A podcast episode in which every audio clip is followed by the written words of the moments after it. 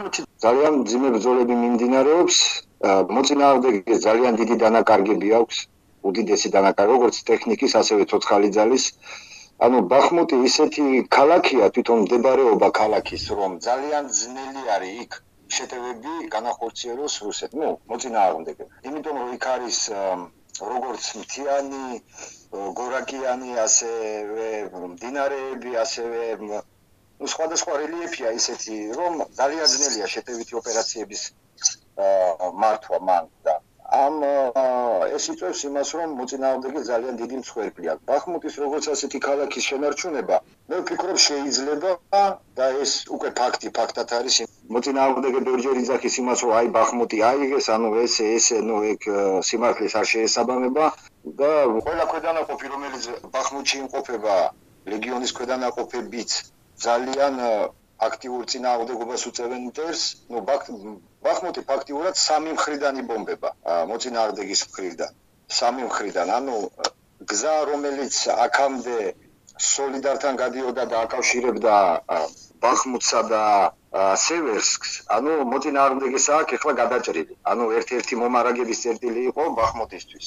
ნიკე თუ არის დარჩენილი მომარაგების სხვა გზა, იმიტომ რომ რუკაზე ჩანს რომ საკმაოდ საკმაოდ დიდი დიდი ფართო ყელი უნდა იყოს დამაკავშირებელი უკრაინის მთავარ ძალებთან. ბახმუთსა აქ მომარაგების რამდენიმე გზა, რომელიც ძალიან აქტიურად და ძალიან ნუ მშვიდად იყენებენ ამ გზებს, ანუ არანაირი პრობლემა არ არის. ნუ ის გზა რომელიც მაგალითად სევერსკზე გადიოდა, ფაქტიურად იქაც ძალიან აქტიური ბრძოლები მიმდინარეობს და მე ვფიქრობ რომ ეს დროის ფაქტორი არის მაგისი განთავისუფლებაც.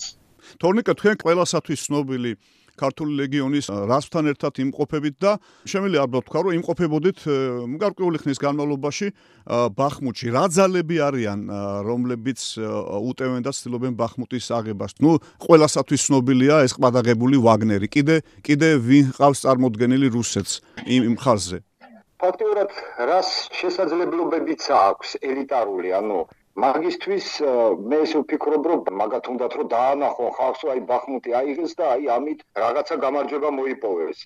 და ამისთვის ყველა ძალას იყენებენ, ყველა რესურსს იყენებენ, რაც აქვს. ანუ მუშაობს ავიაცია, მუშაობს артиლერია, მუშაობს ყველანაირი ბრონირებული მანქანა, ანუ ეს არის ტანკი, ეს არის BMP, ну სულ ყველაფერი და ენ რაოდენობით ეს ეს ენ რაოდენობით თორე გუშინაც იყო ესეთი რომ სამალიოტები ჩამოუყარეს უკრაინელებს. და მე ახლა აი დღეს ვკითხულობდი სხვათაშორის უბრალოდ ბახმუტიდან ერთვებოდა ბატალიონ სვაბოდას ქართულად თავისუფლების მეთაურის მოადგილე ლეიტენანტი ვლადიმერ ნაზარენკო, რომელმაც თქვა, რომ ძალიან დიდი ზიანი მივაყენეთ ცოცხალი ძალისხმი მოწინააღმდეგესო.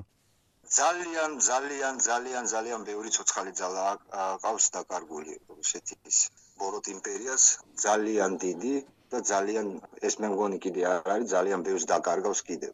იმიტომ რომ ჩვენ ყველამ ვიცით რისთვის ბრძოლობთ და ადამიანმა რო იცის რისთვის ბრძოლობს ის ყოველთვის 10 თავით სულით მაღლა დგას და 10 ჯერ უფრო და 100 ჯერ უფრო ძლიერი არის უკვე შინაგანათაც და ფიზიკურათაც და ფსიქოლოგიურათაც.